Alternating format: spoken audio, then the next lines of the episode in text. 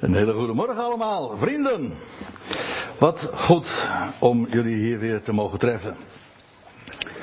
En ik eh, excuseer mij even voor de wat negatieve titel waar zojuist Ed al even op wees. Uitgehold en leeg en daar werd hij niet erg vrolijk van. Maar het is wel een mooie aanleiding om juist over inhoud te spreken, nietwaar? En daar wil ik jullie graag vanmorgen ook eens eh, bij bepalen. En het, het, gaat eigenlijk een beetje over dit fenomeen. Kijk, woorden en begrippen, woorden en waarden, maar begrippen in het algemeen, die verschuiven nogal eens in betekenis. Dat kan zijn in de loop der eeuwen, maar dat kan zelfs in een betrekkelijk korte tijd plaatsvinden. En wat bedoel ik dan? Nou ja, om eventjes een paar voorbeelden te geven. Een woord als dapper, dat, daarmee bedoelen wij nu uh, iemand die heldhaftig is. Maar wist u dat het van origine de betekenis had van arrogant? De betekenis is dus verschoven. Of dat nou echt een betekenis daarmee is uitgehold, dat, uh, dat weet ik eigenlijk niet zo direct. Maar in ieder geval kun je zeggen dat het een heel andere betekenis heeft gekregen dan een paar eeuwen terug. Uh, een woord, dat vind ik eigenlijk wel een aardig voorbeeld van dat in betrekkelijk korte tijd een heel andere betekenis heeft gekregen. Is mijn indruk tenminste. Het hangt misschien ook een beetje af van welke context je je bevindt of in welke bubbel je leeft. Uh, maar het woord werelds, toen dat bij ons thuis uh, in de tijd dat ik nog jong was, dus al heel lang geleden, uh, gebezigd werd, dan zat daar altijd iets in van afkeuringen. Dat, iets wat werelds was, is mondain, dat is profaan. En nou ja, dat was nou niet direct een aanbeveling. Tegenwoordig is het juist zo, in ieder geval de jongelui geven daar een heel andere betekenis aan. Als iets werelds is, nou dan is het geweldig. En, en dan is het juist heel mooi. En die betekenis heb ik dus in de loop van een enkele decennia zo zien verschuiven of horen verschuiven. Um, om nog even door te gaan. Een woord als braaf, dat, daarmee bedoelen wij nu meestal, in ieder geval die gevoelswaarde heeft gekregen van um, suf. Ik geef toe, ook dat is weer een beetje subjectief, want sommigen bedoelen dat misschien eh, heel anders. Maar uh, van origine betekent het juist dapper, dat woord wat ik zojuist gebruikte. Het is eigenlijk nog wel aardig, want het Engelse woord brave betekent dat nog steeds. Uh, deze is leuk, want een heiden is van origine een bewoner van de heide. Eigenlijk heel logisch. Terwijl wij daar nu toch echt iets heel anders onder verstaan. Overigens, dan moet ik er ook meteen weer bij zeggen, dat hangt ook weer een beetje af van welke setting je je bevindt. Want als ik het over een heiden heb, en hier denk ik in het algemeen, dan denken we meteen aan de betekenis van een niet-Jood. Terwijl in de gewone gangbare christelijke setting bedoelt men daarmee iemand die niet naar de kerk gaat. Dat zijn heidenen. Zo had uh, zo had ik destijds in Aalsmeer, waar ik woonde, was er een man en die uh, op de, ja, in die setting waar ik dan groot werd, dan mocht er niet zo heel erg veel op de zondag. En dan was het prachtig weer, zoals nu dat vandaag is. En toen zei er een man van, uh, goh, wat hebben de heidenen vandaag toch weer mooi weer. zo van, ja, zij gingen in een kerk zitten en, de heidenen in zijn ogen oren, die gingen daar naar het strand. Wat natuurlijk volstrekt werelds was, hè. Ja.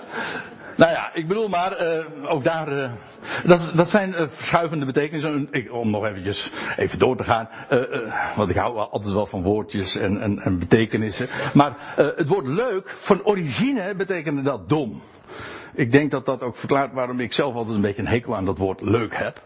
Uh, maar te tegenwoordig, ja, wij bedoelen daarmee uh, iets is plezierig. Maar dat was dus helemaal niet de oorspronkelijke betekenis. En om dan even dat, het laatste voorbeeld te geven, uniek betekende van origine, dat, dat, dat zie je, of daarin herken je het woordje un, één, nog, uniek. Dat is iets wat enig is.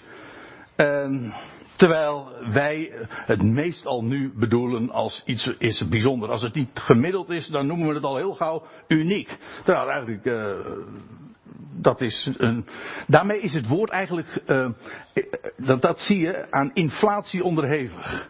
Eigenlijk had uh, Ed het ook al even daarover, als je een woord maar al te vaak gebruikt, woorden die heel erg bekend zijn, die gaan op een gegeven ogenblik leiden aan inflatie. En dan ga je een film. Oh, uniek.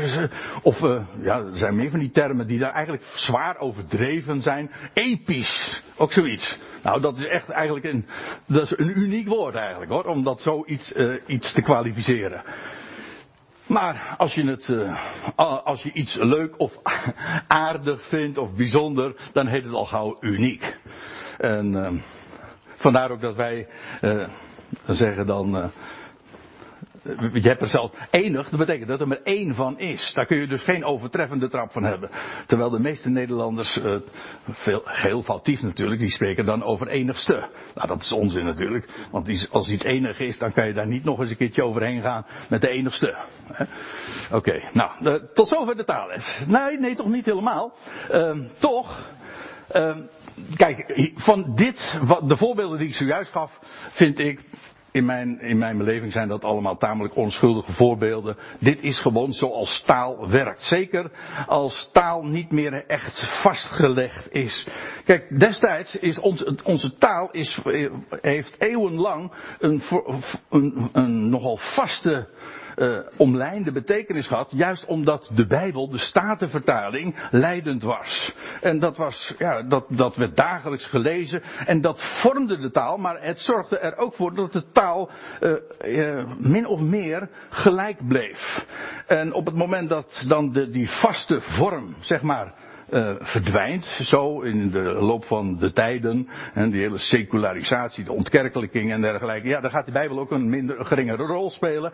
En dan gaat, dan gaat de verandering in de taal nog veel en veel sneller. Maar ik zal u uh, een paar voorbeelden geven en die zijn heel wat minder onschuldig en ook uh, daarin zie je heel sterk een betekenisverschuiving. En ik geef toe, op het moment dat ik de begrippen alleen al aansnijd, dan, uh, dan brand je je vingers tegenwoordig al gauw. Maar goed, ik, ik neem gewoon de, ik neem de vrijmoedigheid om, om ze toch te geven. Het begrip gender om maar wat te noemen. Van origine, en dat is nog niet eens zo heel erg lang geleden, betekende gender, eigenlijk een Engels begrip, maar gewoon geslacht. En daar waren er twee van. Hm? Mannelijk, vrouwelijk. Nou ja, iets kon onzijdig dan nog zijn, in de taal ook zie je dat. Maar uh, dat uh, betekent geslacht. Het is een objectief ding. Nu betekent gender iets heel anders, of in ieder geval heeft het een andere betekenis gekregen. De oorspronkelijke betekenis heeft men losgelaten, de objectieve, vaste betekenis, en nu is het ja, uh, volstrekt subjectief geworden doordat het gekoppeld wordt aan je beleving.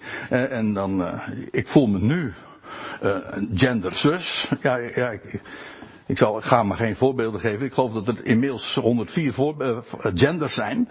Ja, dat, uh, dat vermeerdert zich nogal snel. Uh, maar uh, ja, dat, en je kan, je kan zelfs in de loop van de tijd je, je gender veranderen doordat je een andere geslachtsbeleving hebt. Het is subjectief geworden. En dat heeft natuurlijk alles ook te maken met dit andere begrip. De, de, dat is trouwens ook volstrekt veranderd in betekenis.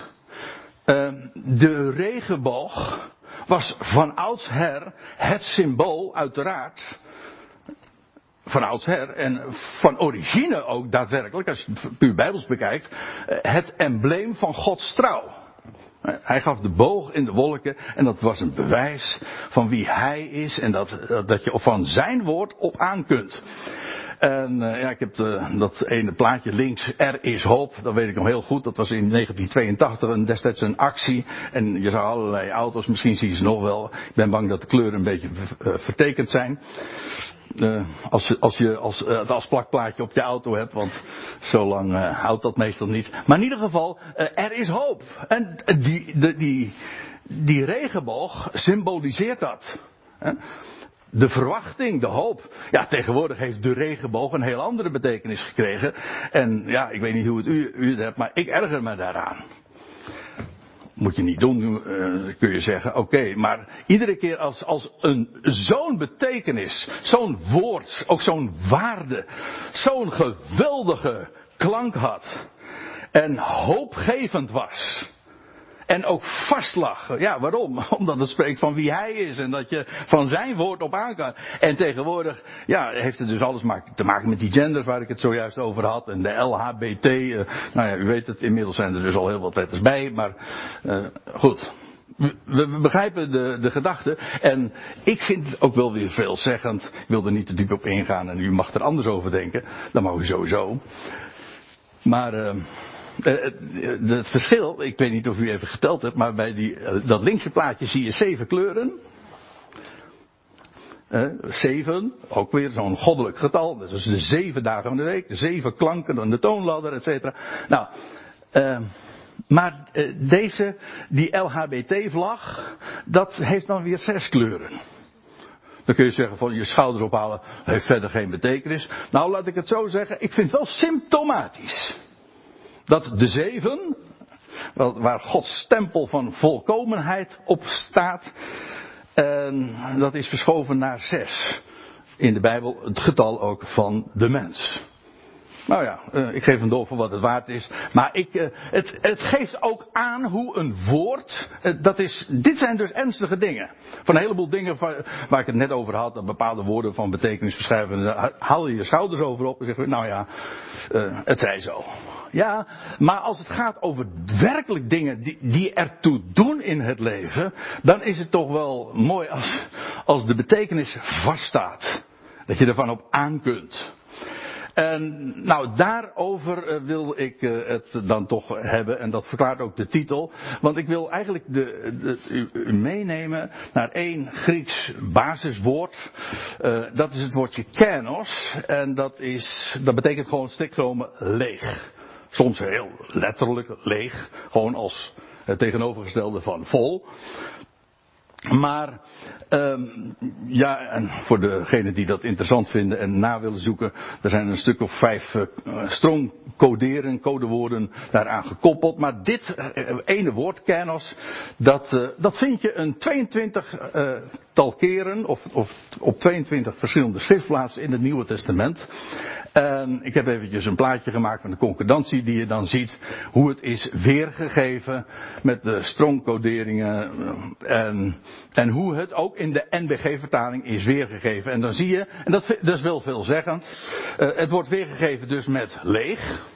Nou, dat is de meest uh, fundamentele betekenis ook van het woord. Of met ijdel. Maar dat is min of meer ook dezelfde gedachte. Als iets ijdel is, dan is het leeg. Het lijkt misschien wel wat, maar het stelt niks voor. En, of zonder inhoud. Die betekenis hebben we zojuist trouwens gelezen in 1 Korinthe 15. Ik kom daar straks nog later even op terug. Uh, of inhoudloos. Uh, of hol. In de zin van een holle klank. Nou, dat is, die betekenissen liggen allemaal heel erg dicht bij elkaar. En dat bepaalt je bij het feit dat iets, ja, misschien, het heeft een vorm, maar uh, het is, het heeft geen inhoud. Het is alleen maar vorm. En ja, dat, uh, dat, dat fenomeen. En dan is het dus, dan, dan kan het ook uit, uitgehold zijn. Dat wil zeggen, het had uh, een, een inhoud. Vandaar ook dat eerste plaatje wat op de titelpagina, weet je wel, zo'n zo lege dop. Die was ooit gevuld. En uh, ja, en als, dan, als het ei er dan, of als de, het vogeltje eruit is, het kuikentje eruit is, dan is het leeg. En hoe was het ook alweer beter een, juist, dan een lege dop. Precies. En holle vaten klinken het hardst. Ja, ook dat is wel, uh, nou die moet u ook maar eventjes, uh, even vasthouden. Want uh, daar hebben we het zo ook nog over. Dit zijn zo de, de betekenissen. Er zijn trouwens ook nog weer wat afgeleide betekenissen die daar erg dichtbij liggen. Bijvoorbeeld iets is te vergeefs. Dat betekent gewoon het is voor niks. Ook een nul, het is leeg. En, of een drogreden. Dat is een reden die lijkt wat. Het heeft wel vorm. Het maakt misschien indruk, maar het is bedriegelijk omdat het dus ook weer leeg is en vandaar dus ook bedriegelijk of vruchteloos. Uh, of uh, ongegrond, of zelfs dwaas. Al die betekenissen zijn er, die liggen daar iets verder van af van dat woordje leeg, maar je herkent nog steeds de, de, de oorspronkelijke gedachte daarvan. Nou, zo wordt het dus in ons Nieuwe Testament weergegeven. En en op een aantal van die schriftplaatsen wil ik u wijzen. Niet op al die 22 teksten, dat zou echt veel te ver voeren. Maar vooral ook uh, op het gevaar dat iets inhoud heeft, een bepaald woord een betekenis heeft, of een begrip heeft betekenis. En dat kan in de loop der tijd, en soms heel snel, uitgehold worden. En dat kan heel sneaky gebeuren. In feite is het een heel, strategisch gezien, is iets uithollen een woord een, een andere betekenis geven heel sterk. Waarom? Omdat het voor de, ogens, voor de toeschouwer ogenschijnlijk lijkt er niks aan de hand. Want de vorm blijft staan. Het woord hou je gewoon vast. We hebben nog steeds dezelfde woorden die we, die we destijds ook hadden. Jawel, maar als de betekenis vervolgens Bijvoorbeeld doordat we het zo vaak horen en dan zijn we niet meer alert op waar we het eigenlijk echt over hebben. Je denkt niet meer na over de betekenis. En voor je het weet, vergeet je wat het is. En dan hoeft het er maar dit te gebeuren. En iemand die komt langs en die vertelt van, joh, het, eigenlijk, uh, het heeft die inhoud. En daarmee wordt het, de oorspronkelijke inhoud uh, terzijde geschoven en het wordt een andere inhoud gegeven. En voor de vorm lijkt het allemaal dan nog hetzelfde. En het is toch, ondanks het feit dat je dezelfde woorden gebruikt, het is anders geworden. En dat is een, een, groot gevaar. Zeker als we het hebben over dingen die juist zo fundamenteel en waardevol zijn, waar je nooit, uh, die nooit aan inflatie mogen leiden, die nooit aan waardevermindering, die, juist zo essentieel is dat je daaraan vasthoudt. Om een, uh, een voorbeeld te geven nog van, uh, dat is trouwens een citaat uit het Oude Testament. Dat, uh, dat is in Handelingen 4. En dan wordt daar in dat verband uh, door de discipelen die daar in gebed bij elkaar zijn. En dan citeren ze een woord uit de psalmen, een psalm van David. En dan, dan citeren, en dan citeren ze eigenlijk uit het Oude Testament, maar dan niet uit de Hebreeuwse Bijbel, maar uit de Griekse Bijbel, de, Septuagint. En dan staat daar in Psalm 2, u kent wellicht die, die psalm, dat, dan staat waarom woelen de natie, of waarom razen de natie en bedenken de volkeren ijdele dingen. Het is een profetische psalm, het gaat over de tijd dat de Verenigde Naties, hè, ja letterlijk, de naties die zich verenigen om in, zich in slagorde te richten naar de God van Israël en ook werkelijk, daadwerkelijk concreet optrekken naar de heilige stad en de, de gezalfde die daar zijn plaats dan in zal hebben genomen, uh, van de troon willen storten, of, stoten, sorry. En, maar dan wordt dat genoemd, waarom bedenken de volkeren ijdele dingen? Het maakt misschien heel veel indruk als de Verenigde Naties een resolutie aannemen en, en, en, en, en, en er zoveel organisatiekracht, een militaire kracht, een politieke uh, kopstukken bij elkaar zijn en dan uh, zulke dingen uitspreken. En dan lees je dan in die, datzelfde verband, moet u maar eens kijken in Psalm 2, dan staat er van, die in de hemel zetelt, die lacht. En de Heer spot met hen. Het is gewoon ijdel. Het lijkt wel heel wat, maakt indruk, zeker natuurlijk als de hele wereld zoiets zegt. En, maar het is gewoon ijdel. Ijdel, ook trouwens in de betekenis die wij daar vaak aangeven. Als, iets, als iemand ijdel is, dan bedoelen we daarmee, uh, die let erg op de, de vorm en is daar ook uh, erg blij mee. En, uh, maar uh, dan gaat het niet meer om de inhoud. ja, dat is ook ijdel, ja. Oké, dat is in, in Psalm 2 dan, in de Septuagint wordt dat zo uh, uh, dan ook genoemd. Maar laten we eens uh, naar een aantal schriftplaatsen toe gaan waar gesproken wordt over, nou ja, dat woord waar ik het dus over had, over ijdel, maar ook in de zin van dingen die worden uitgehold waardoor het, het was gevuld, maar het wordt hol gemaakt, waardoor het netto resultaat is dat het leeg is geworden. Dat is het idee. Uh, leeg bedrog. En ik doel op vers 8 van Colosse 2. Paulus heeft uh, van Epaphras, uh, die daar in Colosse woonde, en had hij vernomen hoe, hoe het evangelie van Gods genade daar ontvangen was. En daar was hij buitengewoon blij mee. En dat schrijft hij ook dan in het eerste hoofdstuk. Maar tussen de regels door voel je al aan dat daar kapers op de kust waren. Dat er, dat er gevaar dreigde. En het is juist met het oog daarop dat Paulus deze brief schrijft. En ik denk dat vers 8 van Colosse 2 ook in die zin wel een, een sleutelvers is in, in deze hele brief. En dan zegt hij, kijk uit. Het gaat goed, jullie staan, maar let op, kijk uit dat niemand jullie als buit meevoert, zo staat er min of meer letterlijk, eh, door de filosofie. Dat, dat woord wordt hier echt gebruikt, de wijsbegeerte, de, de liefde voor wijsheid.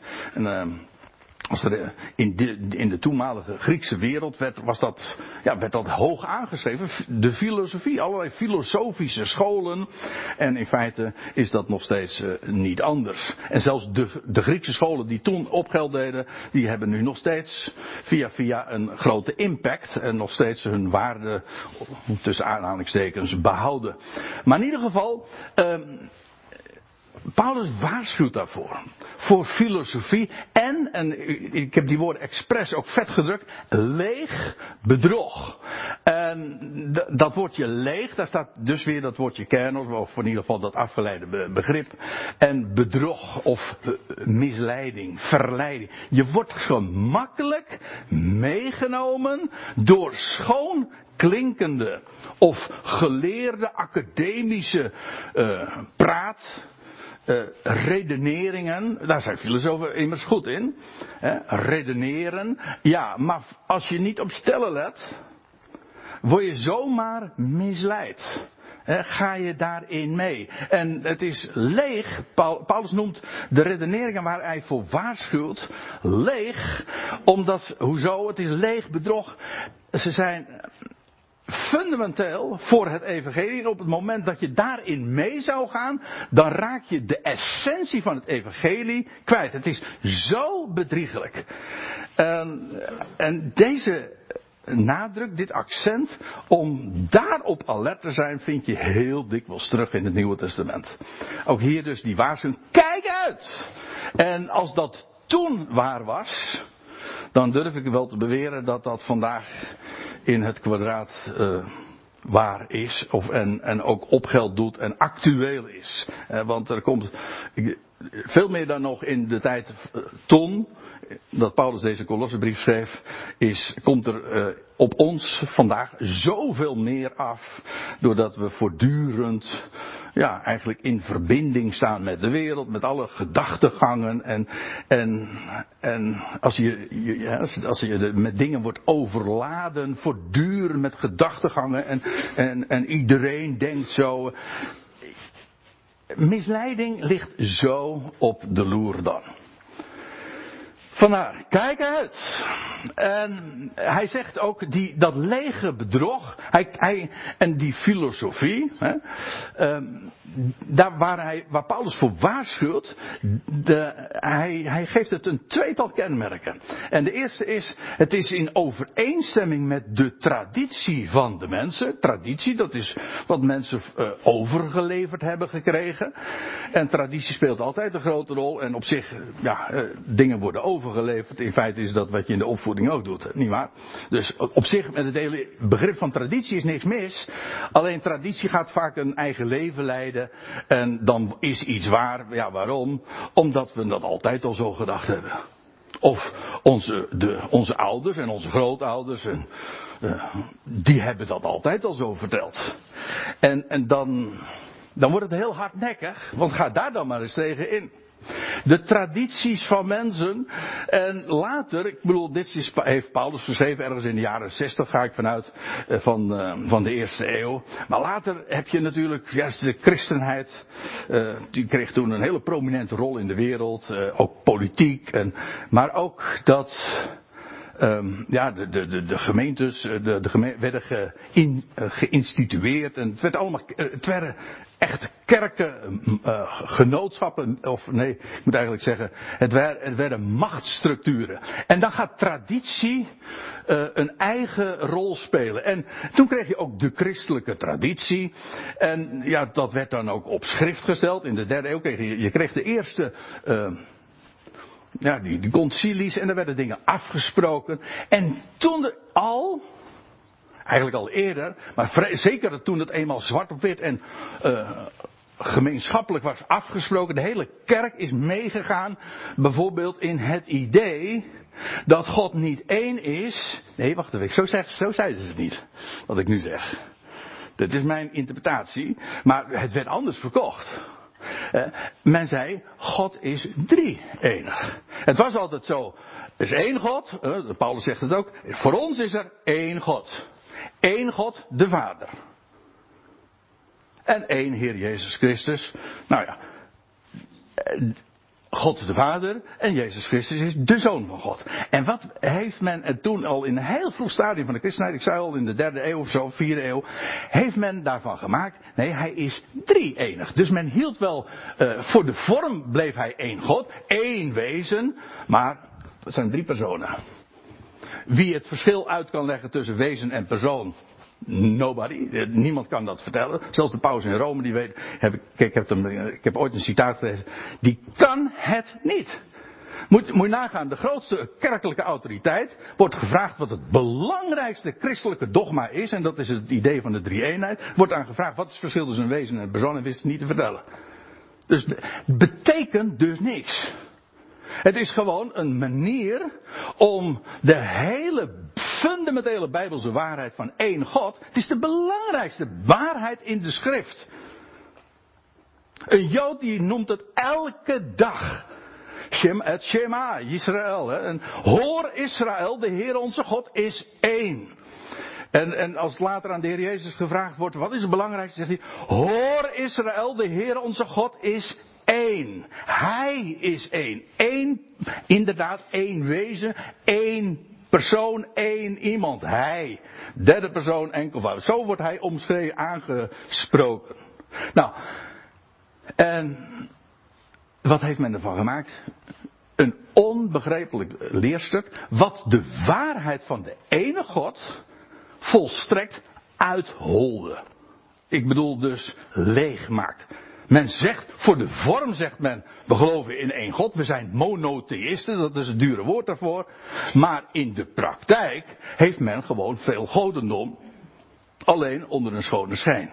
De vorm is misschien nog gelijk gebleven, maar eh, ziet u hoe je zelfs de, de belangrijkste bijbelse waarheid zo kon worden uitgehold. En het is nu zelfs zo, nu, sinds pakweg uh, 16, 17 eeuwen al het geval, dat als je dus die waarheid ontkent, nee wacht even, als je die, dat dogma ontkent, dan ben je een ketter.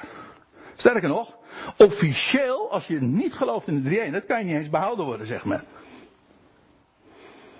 Waarvan men trouwens ook al niet de betekenis kent, maar goed. Ja, en zo, dat is de traditie van mij. Ik heb, eh, heb ik er nog meer? Ja, ik heb er nog meer. Uh, het woord evangelie. Evangelie betekent een blijde tijding of een goed bericht. Die term hou ik er altijd nogal van, op een of andere reden. Maar een, een bericht, een mededeling. Wat heeft men daarvan gemaakt? Een aanbod. En daarmee is de fundamentele betekenis van een bericht, een goed bericht of een blijde tijding, is uh, veranderd en daarmee ook uitgehold en men heeft er iets anders van gemaakt, een aanbod, een geschenk. Wat is het verschil? Nou, heel simpel. Als ik een mededeling doe, dan is dat waar, ook als u het niet gelooft. Natuurlijk, de bedoeling van een mededeling doen is dat het ook, je geeft iets door, zodat mensen het accepteren, het geloven. Maar een mededeling is en blijft waar, ook als het niet geloofd wordt. Op het moment dat genade een aanbod wordt, dat is een, zelfs een, een, een standaard term hoor in de theologie, het aanbod der genade en hoe breed dat dan is en het welgemeende aanbod. Sommige mensen die weten nu waar ik het over heb, anderen niet. Maakt me niet uit. Maar het is echt waar, het is een begrip in de, in de theologie, het aanbod van genade. En dan heeft men ervan gemaakt, ja, God is genadig, hij wil jou redden. Hij is een redder, dat is ook in de vertaling, hè, 1 Timotheus 4 vers 10. Hij is een redder voor alle mensen. Dan is het een aanbod. Maar hij wordt je redder pas als jij het ook, dat geschenk, aanneemt. Maar ziet u wat er gebeurt? Daarmee is het evangelie uitgehold. Waarom? Het is geen bericht meer. De mededeling is, hij is jouw redder. Dat is de mededeling. Natuurlijk is het de bedoeling dat je het gelooft. Waarom zou je het anders vertellen? Het is een blijde tijding. Maar deze waarheid blijft waar, ook als jij het niet gelooft. Dus wij vertellen tegen de hele wereld. Wie we ook tegenkomen. Hij is jouw schepper. Ja, en als je het niet gelooft, dan is hij je schepper niet of zo? Tot dwaasheid. En we, de boodschap is ook, hij is jouw redder. Wauw. dat betekent, hij gaat jou redden. Het betekent trouwens niet per definitie dat hij je gered heeft, maar hij redt jou. Dat is de mededeling. Dat is, dat echt een blijde tijding. En als mensen zeggen van nee, dat, is, dat, dat belief ik niet. Hè, believen, dat is ook weer geloven eigenlijk. Dan, geloven, nee, dan blijft het nog waar. Uiteraard. Daar is de mededeling voor. Dus een bericht of een aanbod, het lijkt ongeveer hetzelfde, maar het is wezenlijk anders. Nou ja, een voorbeeld wat in deze setting ook uh, wel licht bekend is, maar het zal je gedacht zijn hoe fundamenteel dit is. Uh, het woord aion dat zo dikwijls in onze Bijbel voorkomt, of, of eeuw, maar dit, dit, dit, het is het Griekse woord aion. En dat heeft men vertaald met een eeuwigheid. Ja, maar dat, is een, maar dat is een groot verschil. Daarmee heeft men de oorspronkelijke betekenis uitgehold, namelijk een, als een tijdperk, gewoon met een begin en een einde, voor de Ionen, maar ook voor de volleinding van de Ionen, het einde van de Ionen, et cetera. Al die worden, begrippen worden gebruikt in de Bijbel, maar men heeft Ion vertaald met een eeuwigheid. En wat er dan gebeurt, ja, dan heb je een woord, een begrip, uitgehold. En het is zo erg zelfs dat je dan niet meer eens meer het evangelie kan geloven. Want als de God een redder is van alle mensen. Maar er is ook zoiets als een ionische straf. En jij denkt dat het een eindeloze straf is. Dan kan hij dus niet alle mensen redden. Ben u nog? Ja, dat is een beetje snel. Maar ja. Dus als je gelooft dat Aion eeuwigheid is. Dan word je per definitie meteen verblind voor het evangelie. Ik hoop dat u aanvoelt hoe essentieel dat dus is. Ja, weet je, we kunnen natuurlijk nog heel erg lang doorgaan over, over, over, deze, over dit soort begripsverschuivingen, maar vooral over woorden, begrippen, die worden uitgehold, waardoor de oorspronkelijke betekenis volstrekt verdwenen is. Het is een leeg geworden. En daardoor de grootste waarheid, de waarheid van Gods genade, is daarmee ja, wat ooit zo revolutionair was, wordt daarmee dus, ja, nou, mensen, je wordt er niet heet of koud, het is eigenlijk een beetje cola zonder prik. Dus ja, de, de, de power is er gewoon uit. De power is juist, dit is het. Dit is een mededeling. Ja, en als je dat uh, weghaalt, ja, dan kun je, dan kun je nog wel uh, de, de, begrippen gebruiken en dan kun je de teksten citeren. Het zegt helemaal geen bal meer. Ja, dat is dus uh, wat er aan de hand is. Het is ook nog in overeenstemming, om even terug te komen bij Colossens 2, het is ook nog een overeenstemming met de elementen, de, de, het ABC van de wereld. Ik laat dat nu even rusten. Maar Paulus zegt, het is niet overeenkomstig Christus. Daarom zegt Paulus ook, kijk uit. Het is leeg bedrog. Het is filosofie of theologie. Theologie is ook vaak gewoon niks anders dan filosofie. Alleen dan met uh, filosoferen met, met dogmatiek en, en vanuit de, de eventueel met de Bijbel in de hand. Jawel, maar op het moment dat je daarmee woorden hebt uitgehold, ja, dan ben je dus Christus kwijtgeraakt.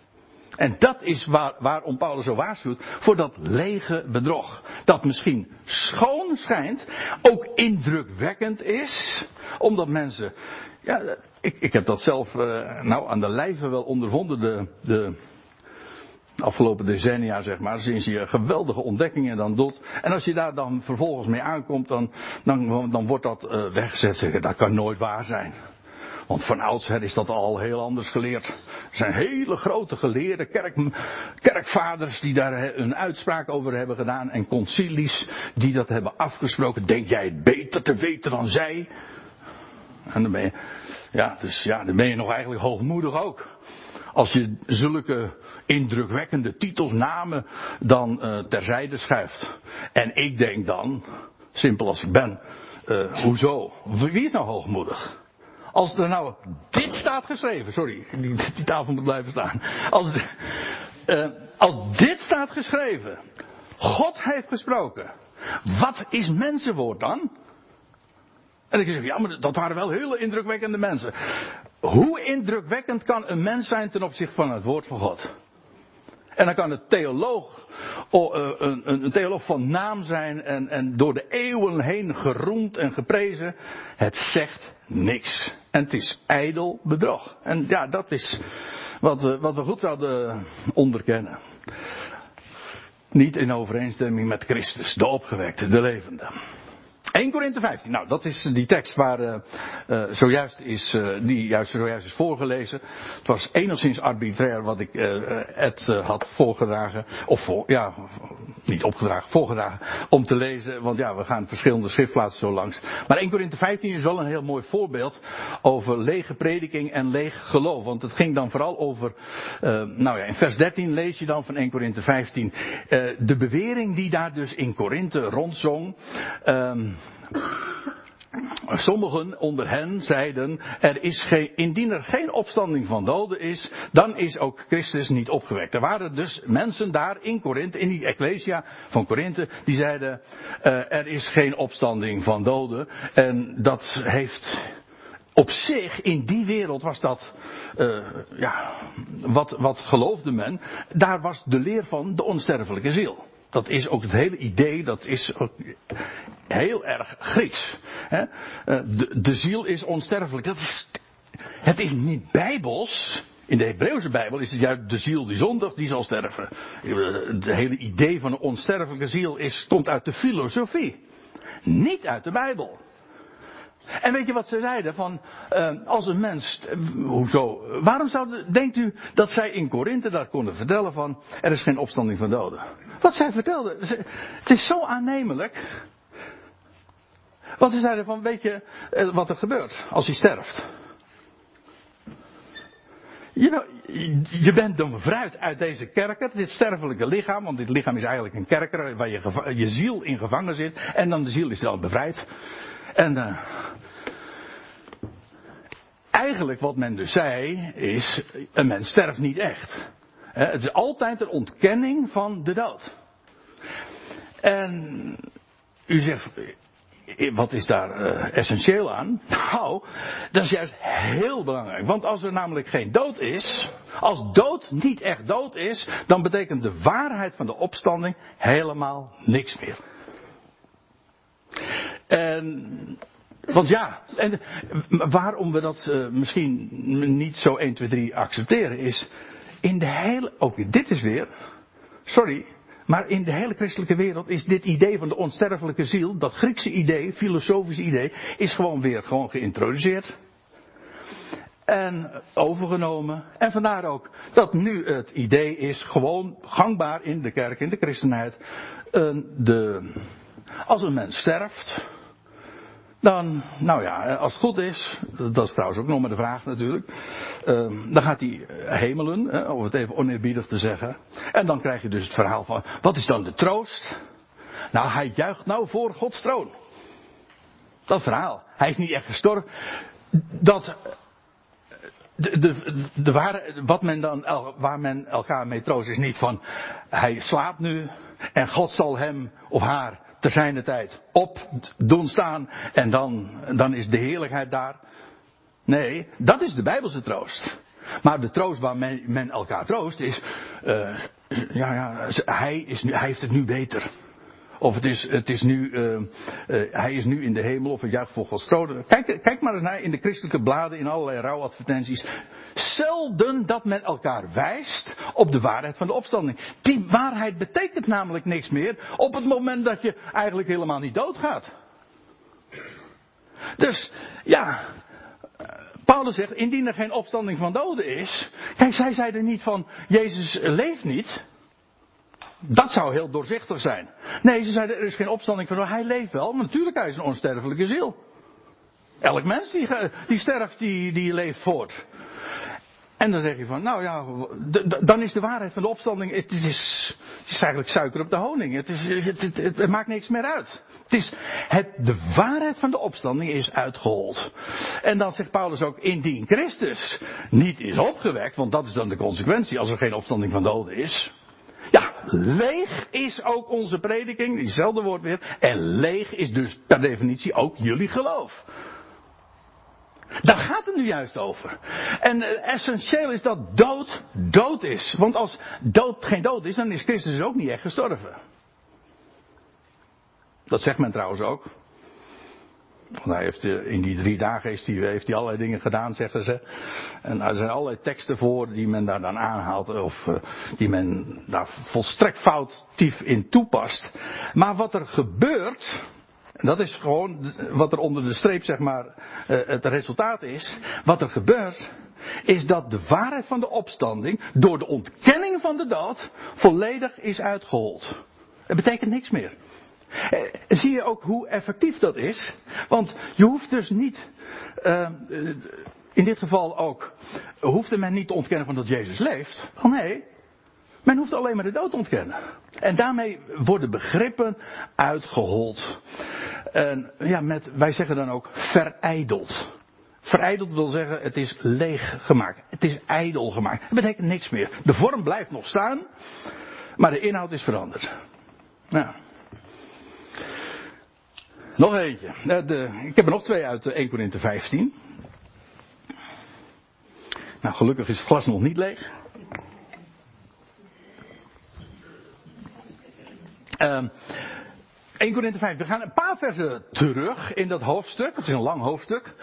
En dan staat er, ja prachtig, Paulus somt dan even op hoe de waarheid van de opstanding een historisch feit is. Gedocumenteerd en onlogenbaar is. En um, unanieme getuigen, vele getuigen. En hij noemt ze op, uh, hij spreekt zelfs van, van honderden tegelijk. Die inderdaad de Heer, nadat hij het graf leeg, achtergelaten heeft. Dat is leeg, ja, dat is mooi.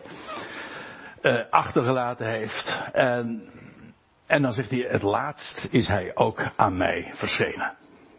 Helemaal buiten de orde, buiten de termijn eigenlijk ook. En Paulus zegt, ja, ik ben niet eens waard een apostel te heten, want ik heb de gemeente of de ecclesia van God vervolgd. Maar, zegt hij, door Gods genade ben ik wat ik ben. En zijn genade aan mij is niet voor niets geweest. En hier heb je weer dat woord, hè. Voor niets. Dat woordje leeg. Of uh, zijn genade is niet leeg voor mij geweest. Zo zeggen we dat niet, vandaar dat het idiomatisch wat anders wordt weergegeven. Maar het idee is nog steeds, het is niet leeg. Het is niet inhoudloos, zijn genade. Ik vind het zo prachtig, want Paulus, in feite als je dit kan zeggen, eh, als je dan Paulus attendeert op wie hij was, hoe hij de gemeente Gods vervolgd heeft, ja, dat is al waar. Dat is waar.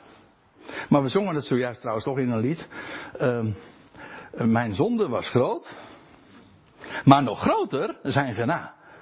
En dat wordt, juist hoe groter de zonde is, hoe groot, en wil de genade dan overtreffend zijn, hoe groter de genade dan ik inderdaad ook wist. Vandaar ook dat Paulus spreekt over overvloeiende genade.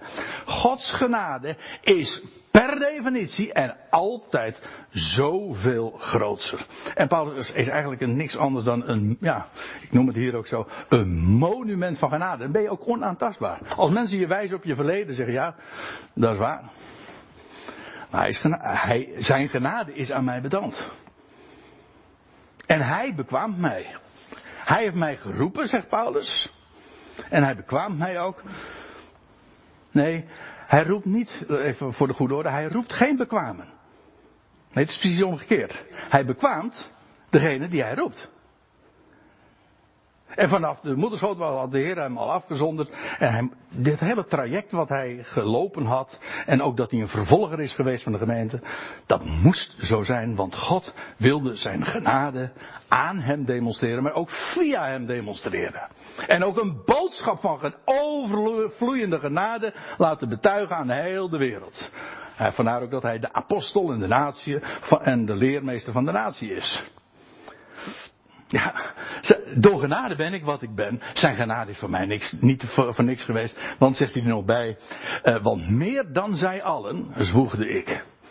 Dat, dat klinkt wat erg, dat klinkt misschien wat arrogant. Als je het gewoon de zin, het zinsdeel sect neemt. Maar dat is juist niet zo. Paulus haast zich dan ook er meteen bij te zeggen, echter niet ik. Wat hij gewoon aangeeft is, ja, God heeft het vuur in hem aangestoken. Dat is aan hem gebeurd. Ja, en wat dat voor impact had. Die man die was niet meer te houden. Had ook wellicht een beetje te maken met zijn karakter, zijn temperament, want het was sowieso altijd al een, eh, een vuurvreter, zoals we dat dan zeggen. Dat is waar. Een zeeloot, echt een, die man die kookte. Wat je ook van Paulus eh, in zijn, van zijn verleden kan zeggen. Maar die man die was, die, die was wel consequent. Hij, hij, hij, hij, waar hij voor stond, daar stond hij ook echt voor. En nou ja, hoe dan ook, uh, zijn genade aan mij uh, is niet te vergeefs geweest. Want hij zegt van meer dan zij allen. Dan bedoelt hij zo'n zijn collega-apostelen, al die honderden die, die erop uit waren gegaan. Hij zegt, ik ben dan de laatste, dus ik ben niet waard een apostel. En toch, ik heb meer gearbeid dan zij allen. Hij zegt, maar even goed, voor de goede orde, niet ik, maar de genade van God die met mij is. Dat is geen dooddoener, zo van, uh, waardoor je ook weer het begrip eigenlijk uitholt. Nee, hij, dat is gewoon de, hele waarheid. Paulus' beleving was dat ook. Paulus was slechts een instrument. Hij arbeidde meer, jawel, maar dat was, eh, ja, goh, eh, als, als een timmerman een hamer gebruikt, ja, dan doet die hamer veel natuurlijk. Dan kun je, eh, of in het algemeen met, met, met zijn met de instrumenten die hij in zijn hand heeft, een zaag, whatever. Daar doe je veel mee. Ja, maar de prestatie die geleverd wordt is, je zegt niet van, goh, wat een goede, wat een, wat een goede zaak. Nou, dat kan nou ook, ook nog wel in een bepaalde zin. Maar u begrijpt wat ik bedoel. Het is de prestatie natuurlijk van degene die het instrument in zijn handen heeft. Met een muziekinstrument ook. Ik bedoel, je kan een trompet of je kan een piano spelen, maar uh, als ton, uh, uh, ja, ik bedoel, ik kan ook achter die piano gaan zitten, maar dan, wordt, dan gaat het niet worden. Ik kan wel geluid produceren trouwens, dat wel. Maar snapt u? Het is, het, Paulus was slechts een instrument. En ja, God presteerde wat heel veel via hem. Hij zegt, het is de genade van God die met mij is. En dan heb ik er nog één, dat is de laatste. Dat is trouwens ook het laatste vers van 1 Korinthe 15. En daar zegt Paulus, uh, ja, uh, we zouden de, deze ik weet eigenlijk niet of die in de, de bundel van EH ook staat. Maar we zouden het, het vers ook kunnen zingen. Want hij is ook op, uh, op, op melodie gezet, die tekst. Maar um, dat is deze tekst. Zo, zo, sluit Paulus af. Ik vind dat een prachtige tekst. Sowieso om dit hoofdstuk voor Paulus af te sluiten. Maar ook in het algemeen om iets, om een conclusie te trekken. Zo dan. En je hoort al eigenlijk in deze formulering van, uh, ik ga nu mijn conclusie maken, zet, neerzetten. Zo dan, mijn broeders, geliefden, word standvastig, onverzettelijk Ik vind hem heel mooi. Hij zegt, wordt, letterlijk staat er wordt standvastig, waarmee aangegeven is uh, dat ze het niet waren. Ze stonden wel, dat, dat lazen we in het eerste vers. Hè. Jullie staan daar ook in, maar ja, uh, staan en staan is ook twee. Hè. Want bleek, men was toch niet ongevoelig voor andersluidende beweringen. En dat, eh, die in feite de waarheid van de opstanding volledig uitholden en, en leegmaakten. Dus Paulus attendeert ze er ook op. En ik moet er achteraf heel blij mee zijn, en wij allemaal denk ik, dat die sommigen er toen geweest zijn, want het heeft ons een geweldig hoofdstuk opgeleverd, 1 Korinthe 15. Dat was allemaal om dat geweld, om dat enorme misverstand recht te zetten. Paulus zegt, uh, word standvastig. Die waarheid dat Christus is opgewekt uit de doden. Na drie dagen, letterlijk, uit het graf, heeft hij leeg achtergelaten. Dat is de inhoud. Want je zou, kijk, als, als Paulus zegt in 1 Corinthië 15 vers 14 van, uh, als Christus niet is opgewekt, leeg is, uh, leeg is ook uh, onze prediking en leeg is ook jullie geloof. Dat is de negatieve formulering. Maar je kunt ook hetzelfde positief zeggen. Wat is nou de inhoud? Wat is dus de inhoud van de prediking en de inhoud van ons geloof? Dat is dat Christus is opgewekt uit de doden. Dat is de waarheid. Letterlijk. Concreet.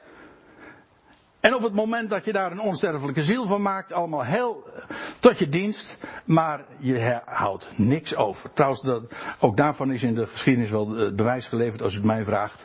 Want uh, hoe dat in kerken is gegaan, die dan de waarheid van de opstanding zeggen, ja, weet je wel, Christus is inderdaad opgestaan. Oh, en dan, of men men dekt dat dan toe met de onsterfelijke ziel of het idee van hij leeft nog steeds in onze gedachten voort. En nou ja, dat soort. Eh, ik wou zeggen Piet praat, maar daarmee doe ik mijn eigen identiteit ook een beetje tekort. Nou ja, uh, maar het, dat is niks. De waarheid is, hij is letterlijk opgestaan uit de doden. We hebben een levende Heer die een garantie is dat de dood uiteindelijk teniet gedaan wordt. Sta daarop. En het geweldige is dat Paulus ook zegt, standvastig, onverzettelijk. Dat, dat heeft ook de gedachte in zich dat er dus allerlei invloeden zijn, allerlei beweringen die je proberen mee te nemen. En dat, en dat ik zal je vertellen, dat, uh, als je niet alert erop bent en als je heel erg gevoelig bent voor aantallen, dan, dan, ja, dan word je zomaar inderdaad meegevoerd. Want dan denk je, goh, als je, ben, ik, ben ik nou gek? Of zou, zou, zou, uh, zouden al die mensen er daarnaast zitten? Ja, dat is trouwens het grote gevaar in de, in, het eind, in de eindtijd, de misleiding. je denkt van, dat je als eenling bijna overblijft. Nou, moet je, ik kan u dit vertellen, dan moet je stevig op het fundament staan hoor. Maar dat, het fundament kan het hebben. Want ja, het is de rots aller eeuwen hebben we gezongen. Oké, standvastig, onverzettelijk. Laat je niet gek maken, laat je niet meenemen. En, en Paulus zegt ook altijd overvloedig in het werk van de Heer. Ik hecht er altijd aan om uh, dat, dat dat woord eh, van in dit geval ook even te benadrukken. Want het werk van de Heer betekent eigenlijk het werk dat Hij doet. Zijn werk. Het is dus niet het werk voor de Heer. Nee, het werk van de Heer. En het geheim zit hem in het feit dat als je staat, blijft staan. Standvastig, onverzettelijk. Op die waarheid. Dan wordt de Heer inderdaad overvloedig in zijn werk ook in jou. En dan staat ook bij, wetende dat jullie moeite, want het zet ons ook inderdaad in beweging. En je krijgt een heel druk leven krijgen. Daardoor. Jawel, maar het is rust. Waarom? Omdat je weet, hij doet het. Wetende dat jullie moeite niet vergeefs is in de Heer. En het idee is dus gewoon deze volgorde waar wij onverzettelijk staan op de waarheid, de rots der eeuwen, daar gaat de Heer in en via ons werken en wel overvloedig. En dat werk, dat draagt altijd vrucht voort. En ik zie dat de zaal aangevuld wordt. En dat is voor mij een aanwijzing dat ik hier amen moet zeggen. En dat doe ik bij deze. Zullen we met elkaar nog een lied zingen? En dat is het lied Mijn leven is zeker in Gods hand.